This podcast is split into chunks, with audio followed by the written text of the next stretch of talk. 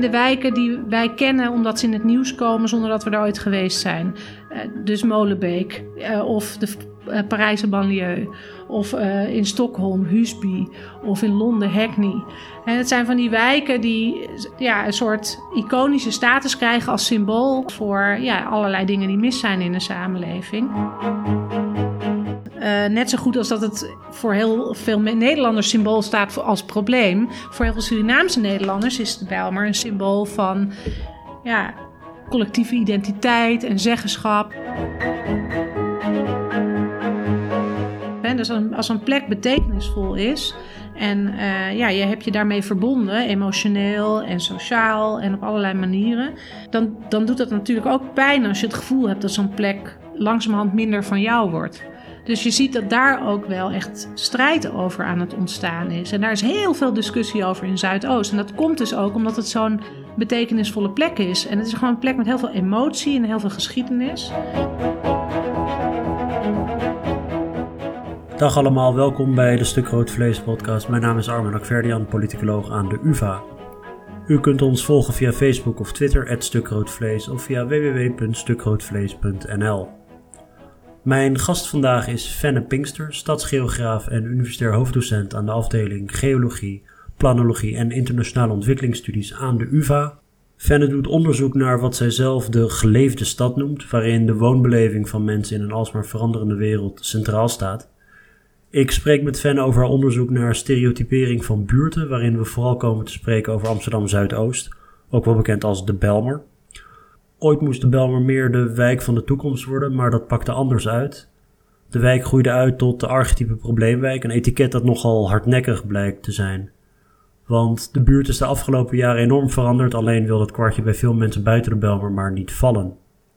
Fenne voerde met haar UvA-collega's Marijn Ferrier en Meerte Hoekstra tientallen gesprekken met buurtbewoners over hoe zij die stigmatisering van hun buurt ervaren en ze vertelt er uitgebreid over in de aflevering van vandaag.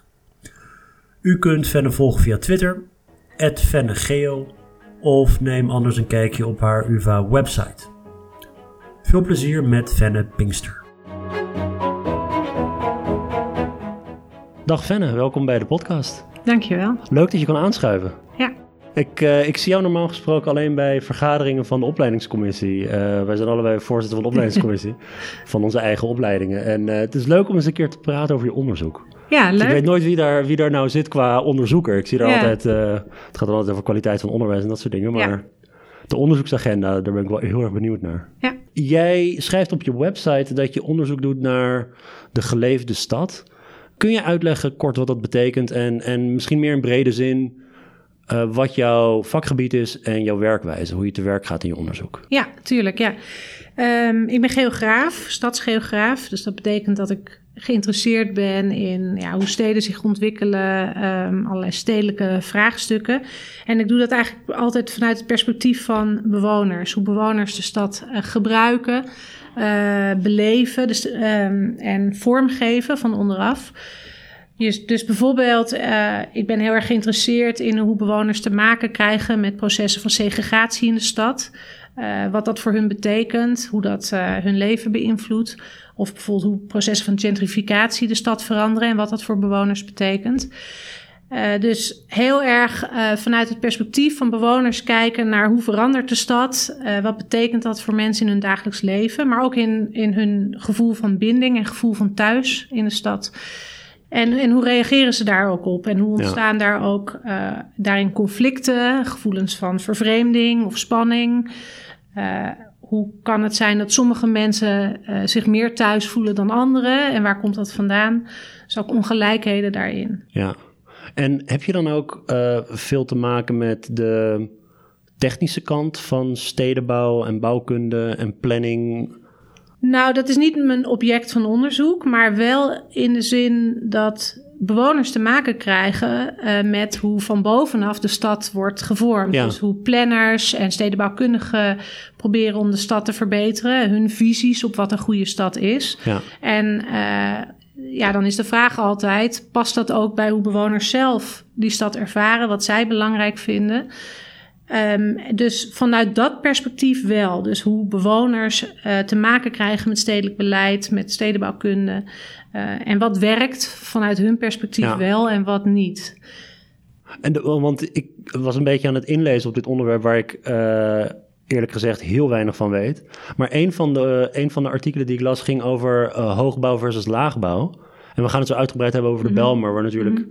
vanaf het begin heel erg is ingezet op die hoogbouw. Ja. Uh, en in sommige situaties, als ik het goed begrijp, kan hoogbouw juist leiden tot, uh, of, of is dat juist onwenselijk? Maar als je tegenwoordig kijkt naar allerlei wijken, ook in Amsterdam, heb je allemaal van die hele van een beetje luxere torenflats en zo. Dus hoe ja. dat soort hoog versus laagbouw iets, dat dat op een hele andere manier kan uitwerken. Nou, kijk, het leuke van geografie vind ik zelf altijd dat het, um, en dat is ook het, misschien het verschil met sociologie, zou je kunnen zeggen, dat we ervan uitgaan dat de, die materiële omgeving, dus wat, er, wat voor gebouwen er staan, hoe de stad is ingericht, um, dat het wel een betekenis heeft voor hoe mensen de stad gebruiken niet bepalend. Dus niet, het is niet een deterministische relatie.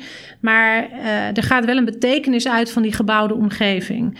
En uh, je zou dus bijvoorbeeld vragen kunnen stellen over ja, wat voor vormen van samenleven zie je in wijken waar veel laagbouw is ten opzichte van wijken waar veel hoogbouw is. Hmm. Uh, in hoeverre leven mensen meer met elkaar of langs elkaar heen in hoogbouw of laagbouw? Dus dat soort vraagstukken passen wel bij stadsgeografie. Dat je altijd ook kijkt naar, naar die gebouwde omgeving en wat er is, wat er is neergezet. Ja. Um, maar niet puur vanuit een stedenbouwkundig perspectief, maar de sociale betekenis van de fysieke omgeving. Daar zijn we wel veel mee bezig. Ja.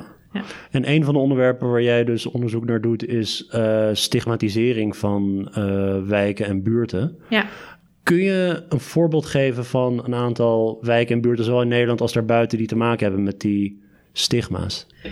Oh, nou vraag je me wel iets ingewikkelds, want dan reproduceer ik daarmee die beelden. Ja, oh ja, dat is natuurlijk precies waar wij als wetenschapper ook kritisch op zijn. Dat er bepaalde uh, negatieve beelden bestaan over, uh, over buurten die misschien niet altijd niet... terecht zijn. Ja, maar goed. Anders kunnen we er niet over praten. Ja, ja, ja, nee, anders kan je er niet over praten. Nee, dat is helemaal waar.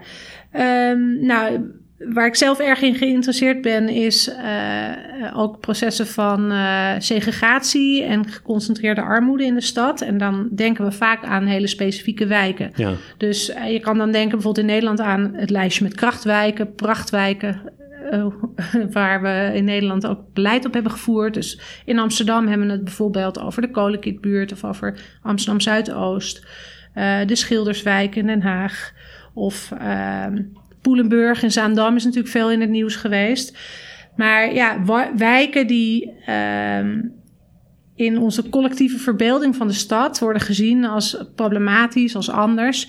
En natuurlijk de kritische vraag die wij als wetenschappers moeten stellen is ten eerste, klopt dat? Ja. Uh, en ten tweede, wat zijn de gevolgen van hoe mensen tegen die wijken aankijken? Uh, want een van de stellingen die wij altijd uh, nemen is ehm, beeldvorming is niet iets out there wat gewoon maar bestaat. Dat is ook um, vormend voor hoe mensen handelen. Ja, zeker, ja. Uh, en het simpelste voorbeeld wat je altijd kan nemen is Amsterdam. Uh, wordt helemaal overspoeld door toeristen.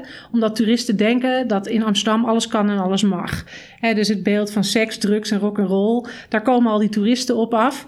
Uh, en vervolgens zie je dat die stad zich deels ook vormt naar die toeristen. Want iemand denkt, oh wacht, uh, uh, toeristen op zoek naar seks, drugs en rock and roll. Ik begin een seksmuseum of ik open ja. een van de drugstand. Uh, dus toeristenwinkels. Dus die stad vormt zich ook naar het beeld wat mensen komen zoeken. Dus het principe dat beeldvorming over plaatsen gewoon concrete materiële gevolgen kan hebben voor die plaatsen.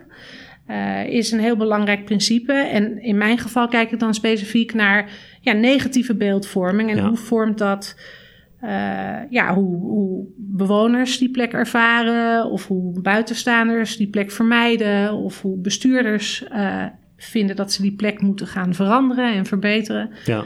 Dus dat beelden over plekken gevolgen hebben voor hoe instituties en hoe bewoners en andere stedelingen handelen ten aanzien van die plekken de uitwerking die het op mij heeft is, ook wanneer nu bijvoorbeeld, nu ik in Amsterdam woon, als mensen praten over de Belmer, van ik kom uit de Belmer, dat je dan niet meteen in de kramp schiet van, oh, maar hoe, hoe, hoe was het om daar op te groeien? Mhm. Maar omdat die collectieve beeldvorming zo structureel negatief is geweest, vorm je jezelf een beeld van, oh, dat is een wijk met Ja. allerlei puur negatieve dingen. En het blijft zich op de een of andere manier maar reproduceren. Waarschijnlijk misschien zoals je net zegt, omdat wij het er nu ook Ja, over hebben op deze manier. Maar het is in die zin, ehm, Ja. ja, dat zien we ook wel in eh, heel veel andere Europese steden. Dat er bepaalde plekken zijn in die stad, een soort iconen, maar in negatieve zin, eh, die symbool staan voor ja, allerlei maatschappelijke problemen rondom integratie, migratie, eh, terrorisme. Het zijn zeg maar de, ja, de, de likely suspects, om het maar even zo te zeggen. Dus eh, het zijn de wijken die wij kennen omdat ze in het nieuws komen zonder dat we er ooit geweest zijn. Eh, dus Molenbeek eh, of de Parijse banlieue of in Stockholm Husby of in Londen Hackney. En het zijn van die wijken die ja, een soort iconische status krijgen als symbool voor ja, allerlei dingen die mis zijn in de samenleving. En dus het ook wel een soort ja, publieke angst voor, voor dingen die niet goed gaan, die dan geprojecteerd worden op dat soort plekken. En dat kan heel erg afwijken van hoe mensen het zelf ervaren, ja. de werkelijke situatie. En, maar het zure is dat het er in sommige opzichten niet toe doet.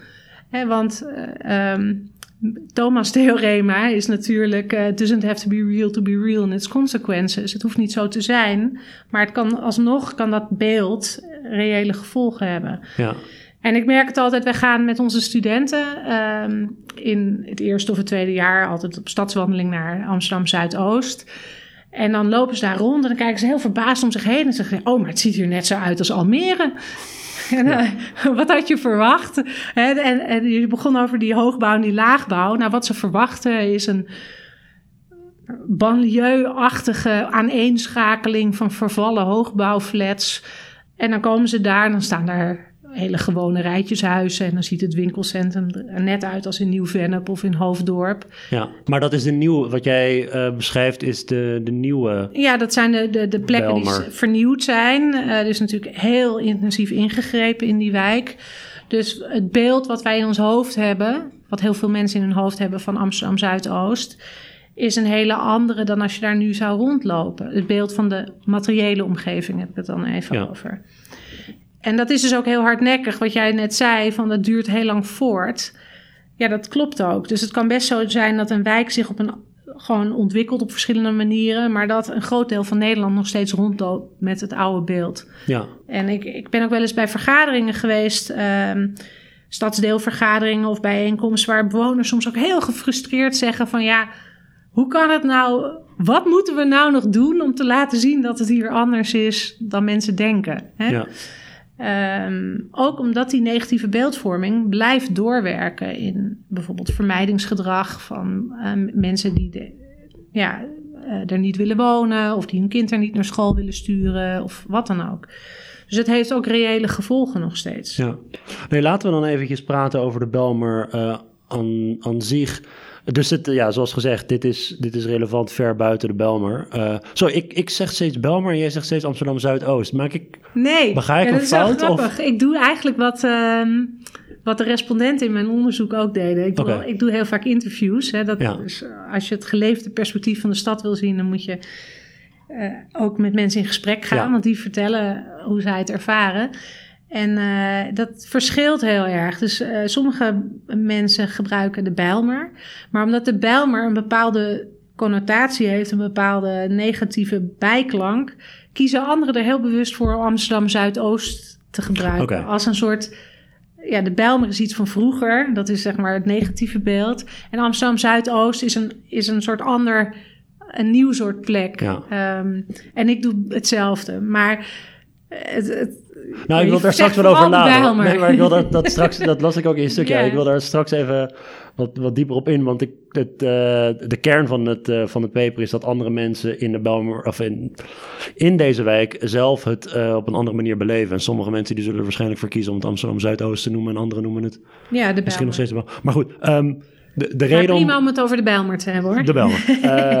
de de reden om, om eh, denk ik, ehm, toch wat uitgebreider bij deze wijk stil te staan, is dat die ontstaansgeschiedenis ook zo ontzettend boeiend is. Dus het werd een beetje gezien als de wijk van de toekomst toen het eind jaren 60, eh, begin jaren 70 werd gebouwd. Toen is het uh, om allerlei redenen is het tot misschien wel de belichaming of het schoolvoorbeeld van een, um, ja, een ghetto, zeg ik maar, tussen mhm. aanhalingstekens. En nu is het weer bezig met een soort van comeback. Uh, mm -hmm.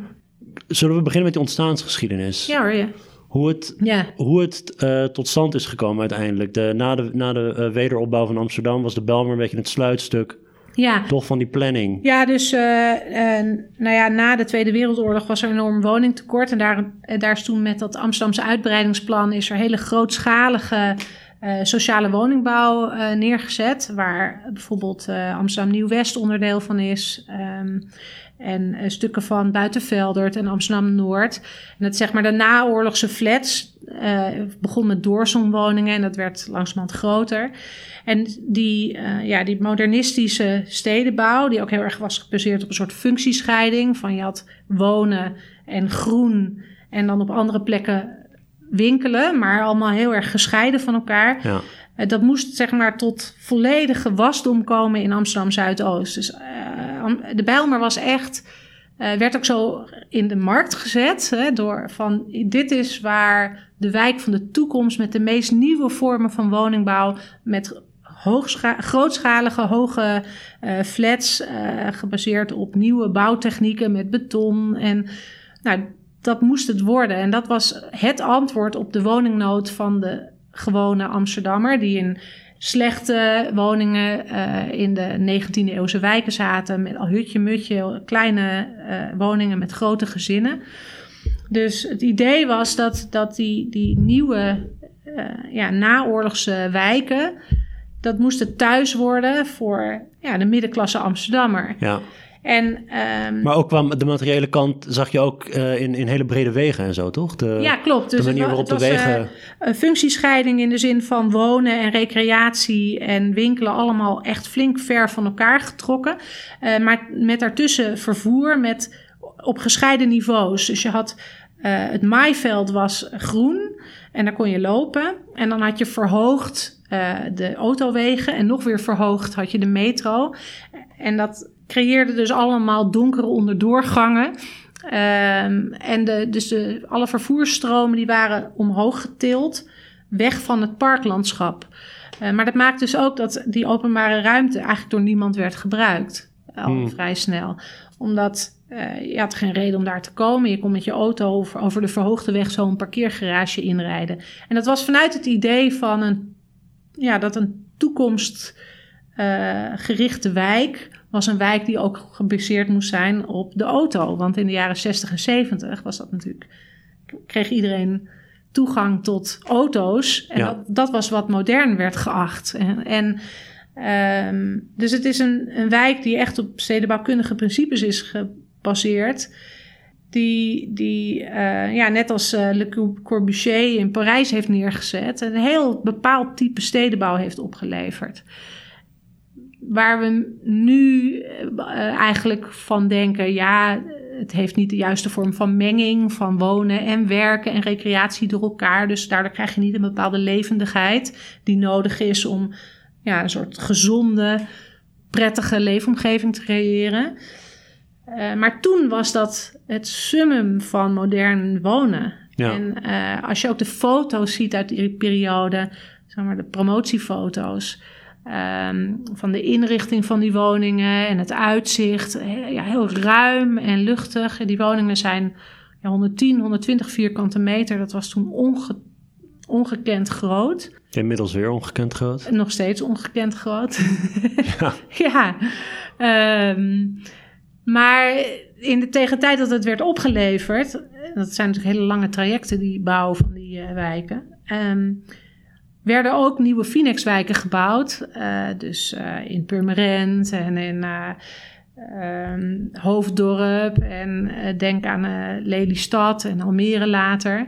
Waar ja, gewone rijtjeshuizen werden gebouwd. En de middenklasse Amsterdammers dachten... nou, wil ik nou in een hoogbouwflat in the middle of nowhere... of wil ik mijn eigen huisje met een auto en, eh, voor de deur en mijn eigen tuintje. Ja. Dus die hele collectieve, grootschalige stedenbouw, die paste eigenlijk niet meer bij wat die middenklasse Amsterdammers wilden. Maar denk ik nou heel erg vanuit een 2019 bril dat ik zou toch voordat ik zo'n enorme, enorm stadsdeel daar neer, neergooi met allerlei revolutionaire eh, woonconcepten en weet het, een beetje marktonderzoek doen naar wat willen de mensen zelf eigenlijk?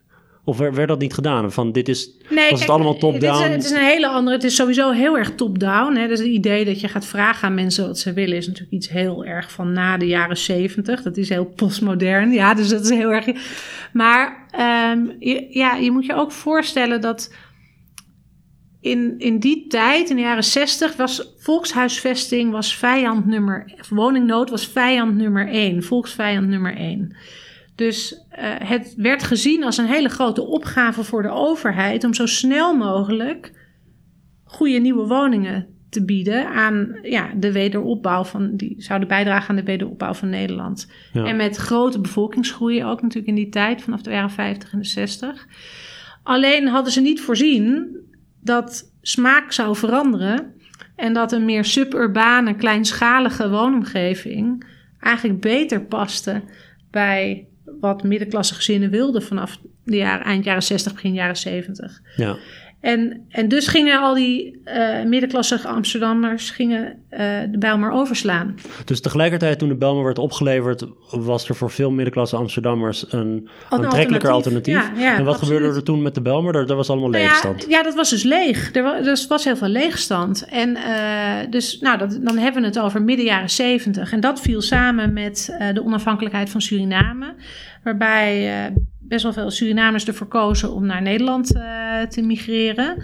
Ehm, en ja, ook daar lag een opgave voor de overheid om hun een woning te bieden. En waar waren op dat moment veel grote woningen? In Amsterdam Zuidoost. En die groep migranten, die begon natuurlijk aan de onderkant van de Nederlandse samenleving. Dus dat waren niet middenklasse eh, bewoners, maar ja, gewoon migranten die een nieuwe positie moesten verwerven. En het was sociale woningbouw, dus dat is ook waar ruimte gemaakt kon worden door corporaties. En dat is eigenlijk de reden dat eh Bijlmer nu nog steeds zo sterk verbonden is met die migratiegeschiedenis van eh, Surinaamse Nederlanders. Het is echt de aankomstwijk geworden voor eh, Surinamers in, vanaf de jaren, midden jaren zeventig. Maar levert het, in, in je stuk hebben jullie het op een gegeven moment over die, nou ja, dat, dat afschuwelijke woord ghetto tussen aanhalingstekens, dat dat in heel veel landen een, ehm, ook een koloniale betekenis heeft. Nou, Dat het vaak nou, ook... niet per se in Europa, hè, want dat, dit is natuurlijk een, een term die uit de Verenigde Staten komt en heel erg eh, verbonden is met de Afrikaanse-Amerikaanse Ja. vestigingsgeschiedenis in eh, eh, Amerikaanse steden. En eh, het is ook een term die oorspronkelijk verwees naar plekken die soort, letterlijk een soort parallele samenleving waren. Want in het Amerikaanse eh, zwarte ghetto had je zowel de advocaat als de leraar, als eh, degene die in een fabriek werkte of de schoenmaker of wat dan ook. Dus, eh, want als je zwart was, mocht je gewoon niet ergens anders in de stad wonen. Dus het onderscheidende was dat je zwart was, maar je klassenpositie kon prima zijn en dan woonde je nog in het Afrikaans-Amerikaanse ghetto. En daar komt die associatie vandaan. Maar als het woord wordt gebruikt in de Europese context, verwijst het ook heel vaak naar wijken eh, waar veel eh, Marokkaanse of Turkse mensen wonen, bijvoorbeeld. Ehm, dus het wordt lukraak geplakt op wijken met een, eh, waar bewoners wonen met een ja, afwijkende sociale, culturele achtergrond. en als we verder teruggaan, Joodse ghetto's toch ook? Of? Ja, daar komt het ook. Dat is natuurlijk de hele oorspronkelijke term. Eh, het ghetto is, was een wijk in Venetië waar eh, Joodse mensen mochten wonen. En heeft ook. Kijk, het, eh, we noemen dat. eh, in onze vakliteratuur gaat het dan over geografie van uitsluiting, waarbij bepaalde groepen eh, niet toegang hebben tot de rest van de stad Ja. op basis van bepaalde achtergrondkenmerken. En die achtergrondkenmerken kunnen ras zijn of religie, eh, maar niet per se armoede of eh, Nee. lage klassenpositie. Dus oorspronkelijk is het een term voor parallelle, ja, eigenlijk die gekoppeld is aan het idee van een parallele samenleving, maar niet per se aan armoede. En die bijklank heeft natuurlijk wel gekregen. Uh, omdat arme wijken in de Verenigde Staten, dat waren de vroegere gemengde zwarte wijken, die zijn uh, na de woningwet, of de Fair Housing Act moet ik zeggen, in de jaren 60 daar, zijn die ook verschraald omdat middenklasse zwarten konden wegverhuizen. En, um, en nu hebben wij dus met als associatie bij het term ghetto zowel arm als in de Verenigde Staten Afrikaans-Amerikaans, maar ook in Nederland allochtoon of zwart of allerlei van dat soort niet hele zorgvuldig gedefinieerde begrippen, maar in, de, in imago anders, cultureel, raciaal, um, soms ook religieus. Het idee van een parallele een parallele wijk of een parallele samenleving klinkt op papier natuurlijk uh, van ja, nou goed, dan woon je een beetje tussen je eigen soort, mensen. Maar op papier is het heel moeilijk om de publieke voorzieningen die er zijn in de, laten we zeggen, de witte wijk of de, de, rest van de stad, om dat op gelijke manier te reproduceren in een, uh, in, in een zwarte wijk of in een toch? Nou ja, in Nederland niet. Ik bedoel, eh, een van de uh, manieren waarop uh, Nederlands beleid ten aanzien van de arme wijken zich onderscheidt van andere landen om ons heen, is dat er enorm veel geïnvesteerd wordt in allerlei instituties en organisaties in die in relatief arme wijken. Hmm. Dus er wordt extra geïnvesteerd in onderwijs, er wordt extra geïnvesteerd in woningbouw. Denk aan de grootschalige stedelijke vernieuwing die ook in de Bijlmer heeft plaatsgevonden. Uh, er wordt uh, heel veel geld geïnvesteerd, ook via het sociale domein in zorg en welzijn en werk. En dus uh, wij hebben een traditie van buurtgericht beleid dat heel erg juist probeert te compenseren voor dat soort achterstanden. Um, en dat zie je in Amsterdam Zuidoost overal terug. Dus als je nu die wijk vergelijkt met 25 jaar geleden, het is fysiek enorm ingrijpend veranderd. Dus, uh, maar ook op andere manieren. Dus uh, er is heel veel gesloopt van de sociale hoogbouw. Uh, en gemengd teruggebouwd. Uh, in ja, koopwoningen, particuliere huur, maar ook sociale huur. In wijken die er echt net uitzien als Nieuw-Vennep of Hoofddorp of nou, noem maar op. Dus heel meer superbaan van karakter zou je kunnen zeggen. Dan dat hoogstedelijke uh, wat we in ons hoofd hebben. Maar bijvoorbeeld ook uh, de hele infrastructuur is enorm veranderd. Dus die verhoogde wegen die er altijd waren, uh, zijn allemaal teruggebracht naar het straatniveau. Dus alle verkeersstromen vinden weer plaats op hetzelfde niveau als waar je loopt of waar je fietst. Dus het, die hele, het hele fysieke aanzien van die wijk is totaal veranderd. Um, in die, dat opzicht past dat beeld wat wij hebben van de Bijlmer... ja, als een soort uh, banlieue, maar dan vooral zwarte Nederlanders zouden wonen. Ja, dat past echt niet meer bij hoe die wijk nu is als je daar rondloopt. En ook niet zoals bewoners het ervaren. Ja sleutelwoordje dat je net noemt, dat het niet meer past bij eh, hoe de, mhm. hoe de, hoe de wijk nu is. Maar misschien kunnen we teruggaan naar, op een gegeven moment vertelde je dus uh, dat het de aankomstplek werd voor Surinaamse Nederlanders. Ja. Hoe heeft de wijk zich toen ontwikkeld? Nou ja, het is een, ehm, een wijk die eigenlijk vrijwel vanaf het begin te maken kreeg met uh, zowel fysieke als sociale achteruitgang. In die zin dat het ja, het soort woningbouw dat er werd neergezet was. Uh, de kwaliteit van die flats was eigenlijk niet heel erg hoog. Dus al heel snel waren er problemen met onderhoud, hmm. uh, liften die niet meer werkten. Uh, ja, het zag er heel snel minder goed uit. En dat was ook eigenlijk de bedoeling, want er is een geweldig citaat van een van de stedenbouwkundigen die het heeft ontworpen. Ja, als het een wijk van de toekomst is, dan moet het hier niet voor altijd blijven staan. Dus ze gingen er eigenlijk vanuit dat na een jaar of vijftig er al allerlei nieuwe vormen van woningbouw waren. Die dan, dus het hoefde ook niet van topkwaliteit te zijn. Ja, zo duurzaam hoefde het eigenlijk niet te zijn. Maar dus zowel fysiek bleek als vrij snel dat de dingen niet goed werkten. Een ander probleem was dat uh, de instroom van bewoners uh, veel sneller ging dan uh, het, allerlei voorzieningen die uh, zouden worden aangelegd. Dus de metro reed pas jaren nadat er mensen kwamen wonen. De winkels kwamen pas jaren dat er mensen kwamen wonen. Dus uh, eigenlijk allerlei publieke voorzieningen liepen enorm achter, waardoor die wijk heel onaantrekkelijk werd voor mensen om te wonen. En uh, ja, daar kwamen natuurlijk groepen te wonen die een hele kwetsbare positie hadden in, in de Nederlandse samenleving. Om allerlei redenen moeite hadden om snel aan het werk te komen. Ik bedoel, stel, zoals veel voor migranten het geval is, als ja. je ergens opnieuw moet beginnen. Dus die wijk die kreeg al heel snel te maken met ja, een soort concentratie van uh, groepen die verslaafd raakten, die uh, ja, het werd gewoon al heel snel een soort afvoerputje van die stad. En als je bijvoorbeeld het, ik weet niet hoe heet het boek ook alweer, van Wees Onzichtbaar.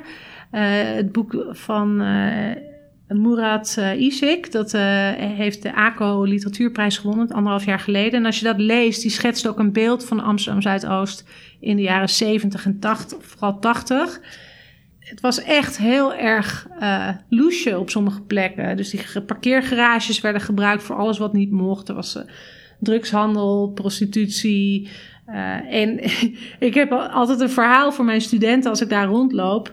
Je had van die hele grote flats en dan had je daar on, kon je onderdoor lopen. Je had een soort poortjes. Om, van, want die flats die zijn nou, hartstikke lang. Dus je omheen lopen ben je echt 10 minuten bezig. Dus hadden van die onderdoorgangen.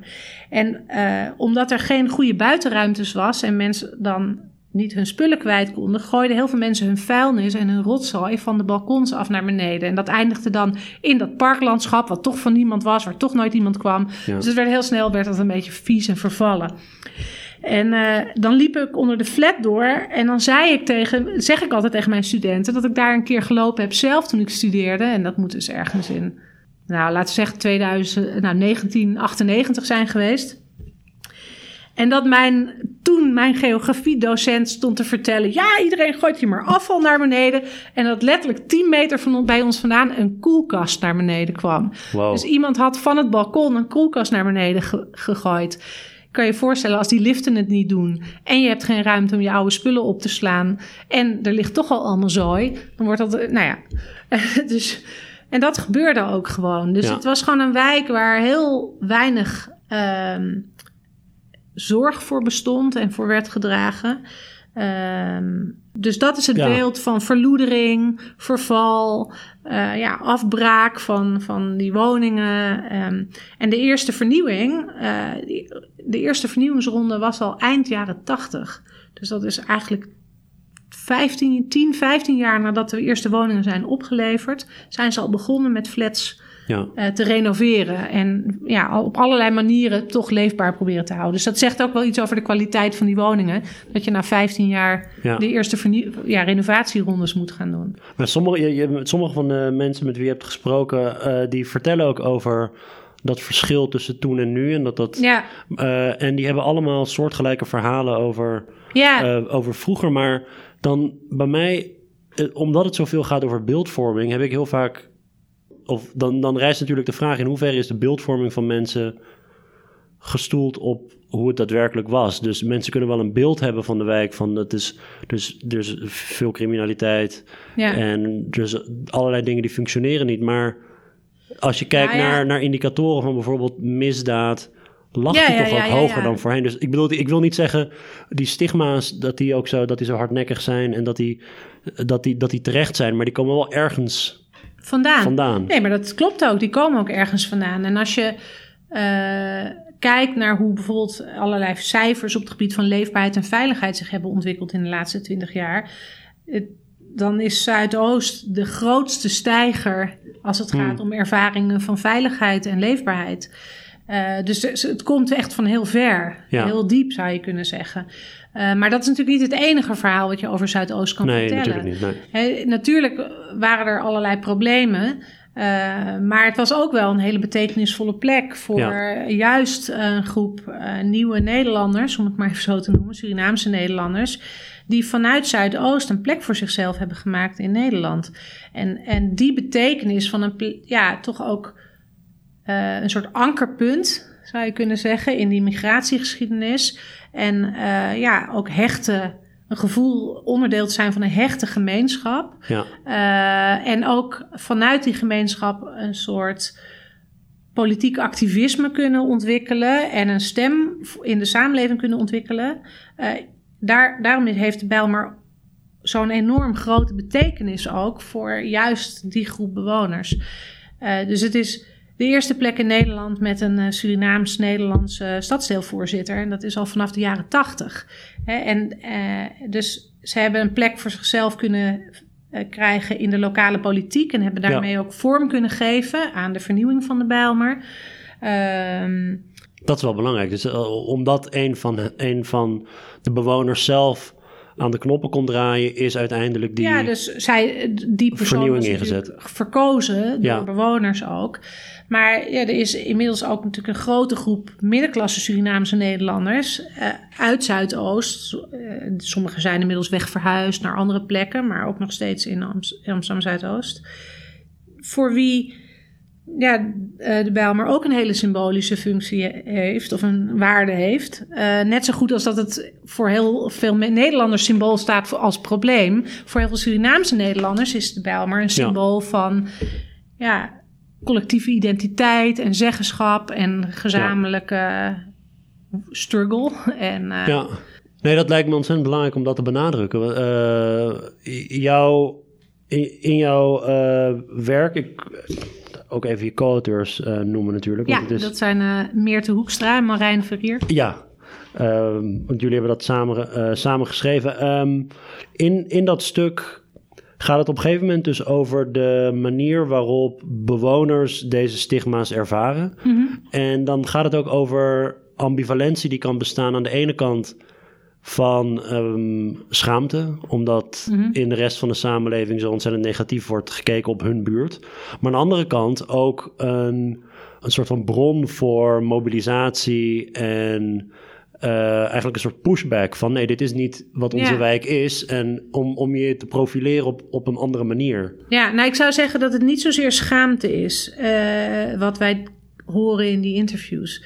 Kijk, wat je wel hoort is een soort frustratie bij bewoners want je kan gewoon niet in de Bijlmer wonen zonder vrijwel dagelijks geconfronteerd te worden met, met reacties van: hé, woon jij in de Bijlmer? Hoe kan jij nou in de Bijlmer wonen? Of, mm.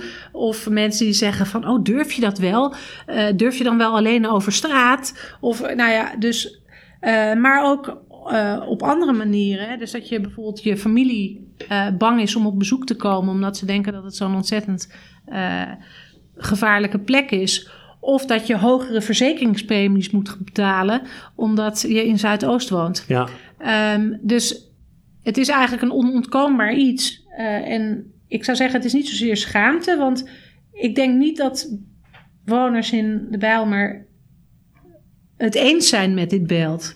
Nee, nee, nee. nee. Wat ik, wat ik bedoelde is in, in ja. ja. niet eh, dus de, uh, dat, dat de, wat ik erin las over de bewoners nu, dat die heel erg uh, gefrustreerd zijn ook met de beeldvorming rondom, rondom hun wijk en hoe die in de media komt en hoe sommige problemen worden mm uitgegroot, juist omdat ze in de Belmer gebeuren en niet elders. Ja. Maar in algemene zin, bewoners van wijken als de Parijse banlieues mm en, en zo, dat die, dat die misschien ook deels. Um, ja, dus het, het is wel. Die schaamte ervoor, maar misschien heb ik het verkeerd gelezen hoor. Ik bedoel. Nee, dat klopt wel. En dat is ook wel wat er in de onderzoeksliteratuur uh, vaak wordt gezegd. Maar dat is dus niet zozeer wat wij in Zuidoost vinden. En ik denk dat dat misschien wel komt doordat um, de discrepantie tussen het beeld dat mensen van Zuidoost hebben en uh, de ervaring van daar wonen, die heus niet alleen maar probleemloos is, maar wel ja, over het algemeen veel positiever dan mensen denken. Die, dat verschil tussen die beeldvorming en de dagelijkse ervaring is zo groot dat het ja, denk dat, dat daar ook die frustratie vandaan komt. Minder, en, en dus minder sprake van een soort schaamte. Meer een soort gevoel van, nou, dat klopt natuurlijk niet. Ik ga eens even uitleggen waarom dat allemaal niet klopt. Ja. En wat er heel dubbel in is, is dat dat uh, wel zo is dat voor sommige mensen voelt dat als iets heel persoonlijks, alsof het wel afstraalt op hun, hmm. maar anderen niet. En daar zie je dus hele grote verschillen in. En dat hangt er heel erg vanaf of jij, zoals mensen dan zeggen, past in het plaatje. Dus wat je ziet is dat toch uh, de, de witte middenklasse die in Zuidoost woont, die zegt wel ja, iedereen vraagt altijd nou ja, begint altijd met hoe spannend daar is. En ja, de beelden van een soort urban jungle. En hoe kan je het daar nou uithouden? Maar ik word er niet mee gepersonificeerd. Want ik pas niet in het plaatje. Want ik ben wit en ik ben middenklasse en ik woon in een netjes rijtjeshuis. Ja. Dat is een beetje het idee. Ja, een van die personen zegt het glijdt van me af. Het glijdt van me af, ja. Dus het gaat over de plaats, maar het gaat niet over mij. Ja, En voor andere mensen is dat veel moeilijker.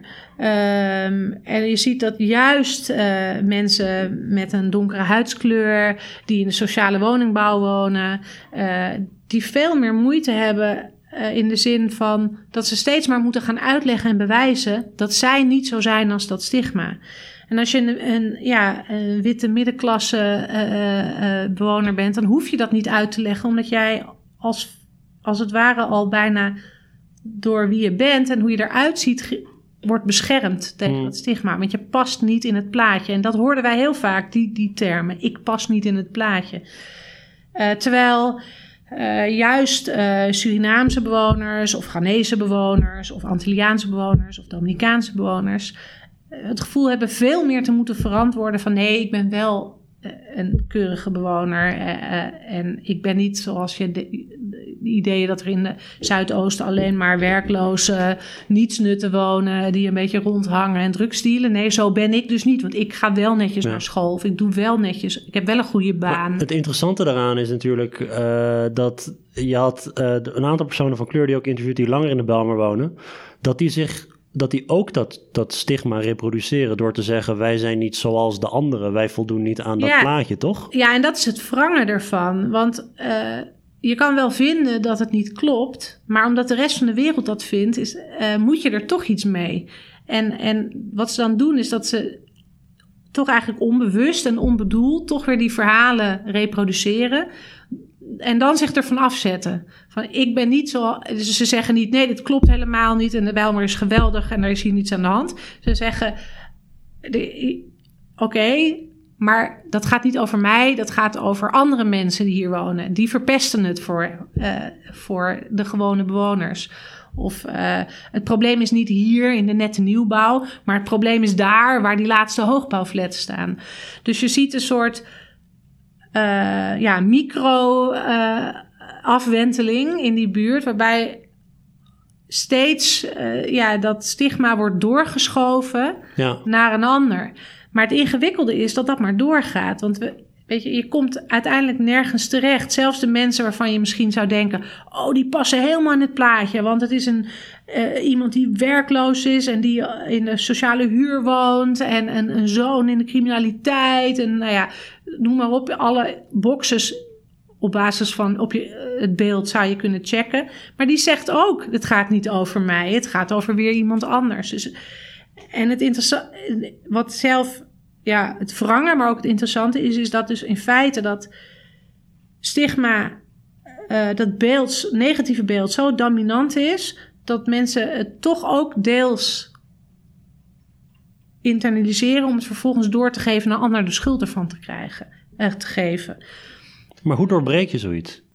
Ik eh, merk Ja, zelf dat ik, er, dat ik er ook vraag. schuldig aan maak. Ik bedoel, niet, niets menselijks is mij vreemd. Ik bedoel, die, ik neem ook gewoon die beeldvorming over. Niet, niet 100% natuurlijk, maar ja, ik, ik merk ook dat ik... eh, ja, dat ik, ik heb ook hele stereotype beelden bij heel veel buurten in Nederland en, en elders. Het, voornamelijk vanwege, ik haal informatie uit. Ja, dat is, maar Uit de kijk, dat is media. natuurlijk. Het ingewikkelde is dat is gewoon hoe wij een soort. Ja, hoe wij de wereld voor onszelf overzichtelijk maken. Door groepen in te delen in ja, categorieën en in hokjes. Ehm, hoe je dat doorbreekt is super ingewikkeld. En, en een van de manieren waarop je dat misschien kan doorbreken, als je als individuele bewoner weet ik niet of dat kan. Want die, die, ja, je hebt het over heel Nederland ten opzichte Ja. van één bewoner.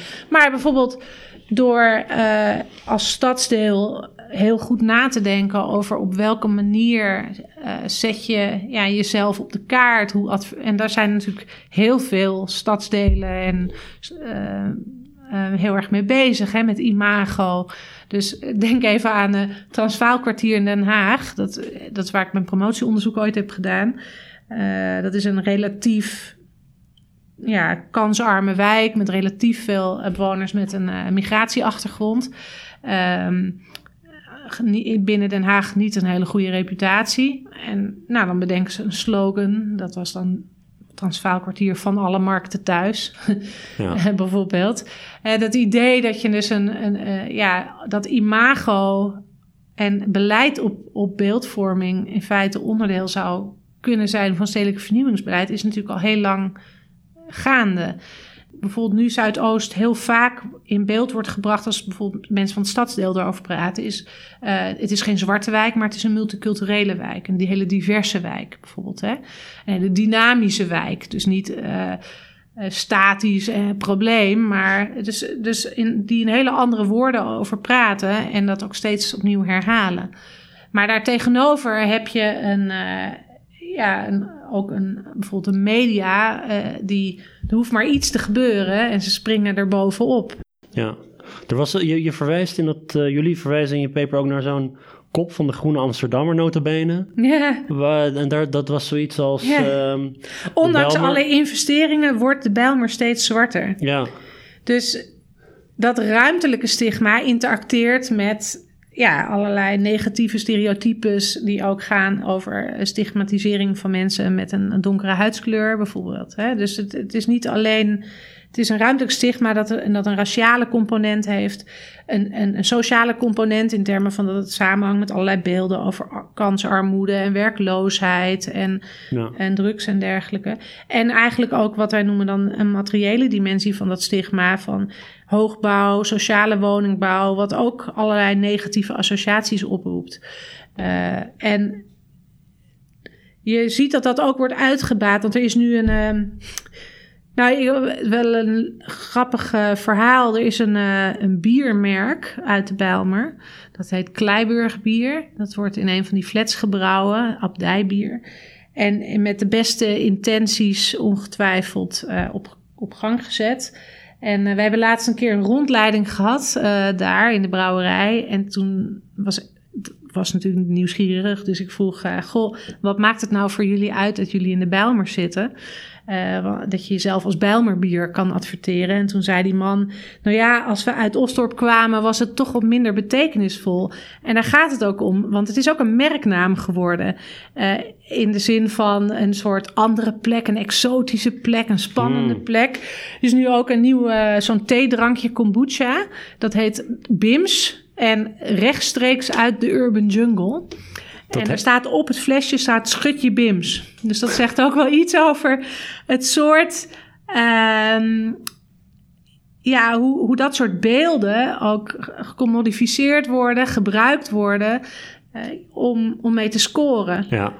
Eh, en daarmee wordt het ook ge- weer gereproduceerd steeds. Dus er zit, ja, dat, dat wordt door ons allemaal gedaan. Het wordt gedaan door hoe wij erover praten, eh, maar ook hoe de media ergens aandacht aan besteedt. eh, ja, hoe bedrijven eh, er gebruik van maken.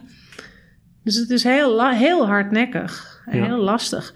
En de grote vraag voor de komende jaren wordt natuurlijk van wat gaat er nu gebeuren nu in Amsterdam die druk op die woningmarkt zo groot is. ja, precies. Dat ja, gaat de Bijlmer de volgende gentrificatieplek van Amsterdam worden. eh, en ja, dat het toch hip en, en happening wordt eh, of niet. En, en eh, dat is wel een hele intrigerende vraag. Want Hoe denken ze erover in de buurt zelf? Of het stadsdeel, want heel veel van die gentrificatie kan je ook van boven vormgeven, toch? Met beleid en, ja, en zeker. maar. daar kun je ja, ook ja, ja, keihard ja. op inzetten als overheid als je dat wil. Dan Als kun je je, dat daar... wil, kan je daar heel erg hard op inzetten. Nou, kijk, er zijn een aantal projecten in Amsterdam Zuidoost die heel erg in het oog springen. Zoals de Klusflat is er één, eh, waar dan creatieve Amsterdammers een, een flat konden kopen in zo'n oude hoogbouwflat en die zelf konden opknappen. Eh, en eh, ja, Creative Community in Heesterveld, waar ook met street art van alles is gedaan. Dat trekt heel veel aandacht. Maar als je nu kijkt waar Zuidoost op dit moment staat, dan is eigenlijk in de afgelopen 15 jaar eh, het gat met eh, de rest van de stad in termen van woningmarktontwikkeling, dus woningwaarde en ook in termen van inkomensontwikkeling, bijna nog groter dan het 15 jaar geleden was. Dus tot nu toe zie je dat die. Omdat de rest zo hard is gestegen. De, nou, de rest is heel hard gestegen. Eh, Amsterdam Zuidoost is ook iets gestegen. Hmm. Dus het gaat beter dan 15 jaar geleden. Maar de rest van de stad nog veel harder. En tot nu toe is het gekke is dat dat stigma tot nu toe misschien ook Zuidoost wel beschermd heeft tegen die grote instroom. Want uh, je ziet toch dat heel veel uh, middenklasse op zoek naar betaalbare woningen eerder naar Haarlem gaat of naar ja. Uh, nou ja, Weesp of uh, naar Apkoude of naar Oostzaan. Nou ja, die, ja. die slaan tot nu toe sloegen ze Zuidoost over. Weet je, dat was echt niet aan de orde. En de vraag wordt nu natuurlijk van de komende ja, vijf à tien jaar: wat gaat daarmee gebeuren? Maar ik zeg altijd: het makkelijkste is. Je hebt knoppen om aan te draaien. Zolang een groot deel van de woningbouw in Amsterdam Zuidoost sociale huur is. Um, daar, die, dat doet, doet, niet mee in die, in die marktdruk. Hè? Dat is de, we zeggen altijd: sociale huur is de deksel op gentrificatie. Hmm. Um, tegelijkertijd zie je dat gewoon in de, in de regio als geheel van Amsterdam, zie je eigenlijk polarisatie optreden. Dus je hebt een enorme druk op die binnenstad. En, die, en, en dat is die gentrificatie, die wordt, alles wordt duurder. Maar voor de stedelijke regio zie je dat er ook een soort verdringing optreedt, waarbij Ja. mensen met lage inkomen steeds vaker in, in de randen rondom die stad terechtkomen in perifere wijken en dat hun inkomens veel minder hard groeien. Dus je ziet een soort polarisatie. En ja, op dit moment is Zuidoost nog een van de weinig betaalbare plekken in de stad. Dus er zijn ook eh, delen van Zuidoost waar je achteruitgang ziet op dit moment. Waar juist de meest kwetsbare groepen uit Amsterdam, die kunnen alleen nog maar daar terecht. Dus je ziet een hele complexe dynamiek op dit moment in Zuidoost. Van sommige plekjes die lijken te verhippen en andere plekken die echt achteruit gaan. En de vraag is een beetje, in die dynamiek van die stad, die zowel gentrificeert als polariseert, wat gaat er met Zuidoost uh, gebeuren? Hey, maar jij bent uh, ook, ook uh, wel geregeld bij van die buurtbijeenkomsten, toch? Ja, ja zeker. En ja. debatten tussen, tussen allerlei nou ja, goed, stakeholders of bewoners. Of, ja, ja. Wat, wat komt er naar voren als die bewoners onderling, kijk, of, of ook de, als de bestuurders en bewoners onderling praten Ja, over dit er onderwerp? zijn heel veel bewoners die zich heel erg zorgen maken over hoe Zuidoost zich gaat ontwikkelen. Want um, je zou kunnen zeggen, uh, Zuidoost is heel lang het domein geweest van Surinaamse Nederlanders. Hè? Dat is hun plek in de stad. En ik geloof dat maar 30% van de bewoners in Zuidoost van Surinaamse afkomst is. Maar dat is wel de groep die de dienst uitmaakt, zou je kunnen zeggen. En uh, ja, het is ook die groep die het zich het hardst nu uitspreekt tegen van... hé, hey, maar wij willen niet dat al die, ja, al die juppen uit de binnenstad... allemaal onze plek komen overnemen. Ja. Wij hebben gema Zuidoost gemaakt tot wat het nu is. En nou is het eindelijk goed. En nou komen, hè, nou komen al die andere mensen van buiten het overnemen. En, um, Ergens wel begrijpelijk. Ja, ja, tuurlijk is dat begrijpelijk. Uh, het is... Uh, tuurlijk verandert Zuidoost, elke wijk verandert. En ja. uh, als mensen daar lang wonen, dan hebben ze soms ook het gevoel dat een plek weg verandert van jezelf. Hè? Dus als een plek betekenisvol is en uh, ja, je hebt je daarmee verbonden, emotioneel en sociaal en op allerlei manieren. je hebt erin geïnvesteerd. Dan, dan doet dat natuurlijk ook pijn als je het gevoel hebt dat zo'n plek langzamerhand minder van jou wordt. Um, dus je ziet dat daar ook wel echt strijd over aan het ontstaan is. En daar is heel veel discussie over in Zuidoost. En dat komt dus ook omdat het zo'n ja. betekenisvolle plek is. En het is gewoon een plek met heel veel emotie en heel veel geschiedenis. Dus terwijl de buitenwereld denkt, het was een probleemwijk en nou is het beter gemaakt door uh, corporaties en gemeenten. Ja, is het voor bewoners van Zuidoost hebben ook het gevoel van, nou, de, wij zaten hier ook toen er van alles aan de hand was. We hebben hier ons thuis gemaakt. En nou ineens is het goed genoeg voor andere mensen. En hoe Ja. zit het nou met ons? Dat gevoel. Ja. En dat snap ik wel. Ja, zeker. Ja. ja. Ehm, misschien eh, tot slot. ehm, je, hebt ook onderzoek gedaan naar een andere wijk die vrij tot de verbeelding spreekt, namelijk de Grachtengordel. Ja, en Toch? ook Betondorp. Dus ik ben wel iemand voor de iconische plekken. Ja. Wat zie je bijvoorbeeld met de Grachtengordel als het gaat om dit soort. ehm, Nou, eigenlijk zie je daar iets vergelijkbaars. Eh, interessant genoeg. eh, en ook in Betondorp. Maar het zijn steeds hele andere groepen. Maar ja, Ik ben zelf heel erg geïnteresseerd in ehm, als mensen ergens lang zitten en zich heel erg verbonden voelen met die plek en een plek verandert. ehm, wat betekent dat voor mensen en hoe leidt dat tot processen van vervreemding en uh, hoe reageren mensen daarop? En in de grachtengordel zie je iets vergelijkbaars, want je ziet groepen uh, langzittende bewoners die daar uh, in de tijd dat niemand in de grachtengordel wilde wonen, wat we ons nu niet kunnen voorstellen, maar dat was zo. Welke tijd hebben we het over? Nou, jaren 60, 70 ja, tot ja. midden jaren 80 ja. was er het echt best wel vervallen. Ja, de stad was uit in de jaren 80 nog. Niemand wilde in de stad wonen. Dus dat zijn mensen die echt geïnvesteerd hebben in, in, die, in, in die wijk, die zelf die woning hebben opgeknapt, zich ook hebben verzet tegen de sloop van stukken van de grachtengordel. De gemeente dacht vroeger nog, hier moeten we moderne stedenbouw neerzetten. Um, en daar, die worden nu overspoeld door toeristen en hebben het gevoel dat ook de wijk in feite wordt afgenomen. Maar dan ja, is het niet door witte juppen, maar door toeristen die weer, elke keer weer een andere toerist die daar als een uh, ja, komt feesten en plezier hebben op manieren die niet past bij hoe bewoners graag zouden willen dat die wijk gebruikt wordt. En datzelfde zie je eigenlijk ook in uh, Betondorp, waar ik onderzoek heb gedaan.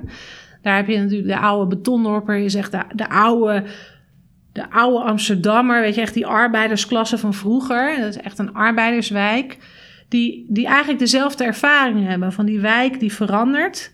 Um, op allerlei manieren. Er wordt sociale huur verkocht, er komen andere type mensen in. Uh, maar ook er komen andere type sociale huurders in. Um, en die herkennen eigenlijk het oude dorp van vroeger niet meer. En die hebben dezelfde gevoelens van vervreemding. Alleen de manier waarop mensen erop reageren en uh, mate waarin ze invloed kunnen uitoefenen op uh, vervolgens hoe uh, bestuurders daarmee mm. omgaan, dat verschilt enorm. Dus het activisme wat je in Zuidoost ziet. Um, is een heel ander soort activisme dan ja, de, de, de zou je zeggen, de politieke strategieën van de middenklasse in de grachtengordel. En is ook weer heel anders dan wat je in Betondorp ziet, waar um, ja, een wat oudere groep bewoners die veel minder uh, korte lijn, niet, niet die korte lijntjes heeft, niet die... Met het bestuur bedoel je? Ja, met ja. bestuur. En, en uh, dus die voelen zich eigenlijk nog veel meer gemarginaliseerd. En het resultaat is, is, is terugtrekking of ver, uh, vervreemding? Ja, of, of terugtrekking.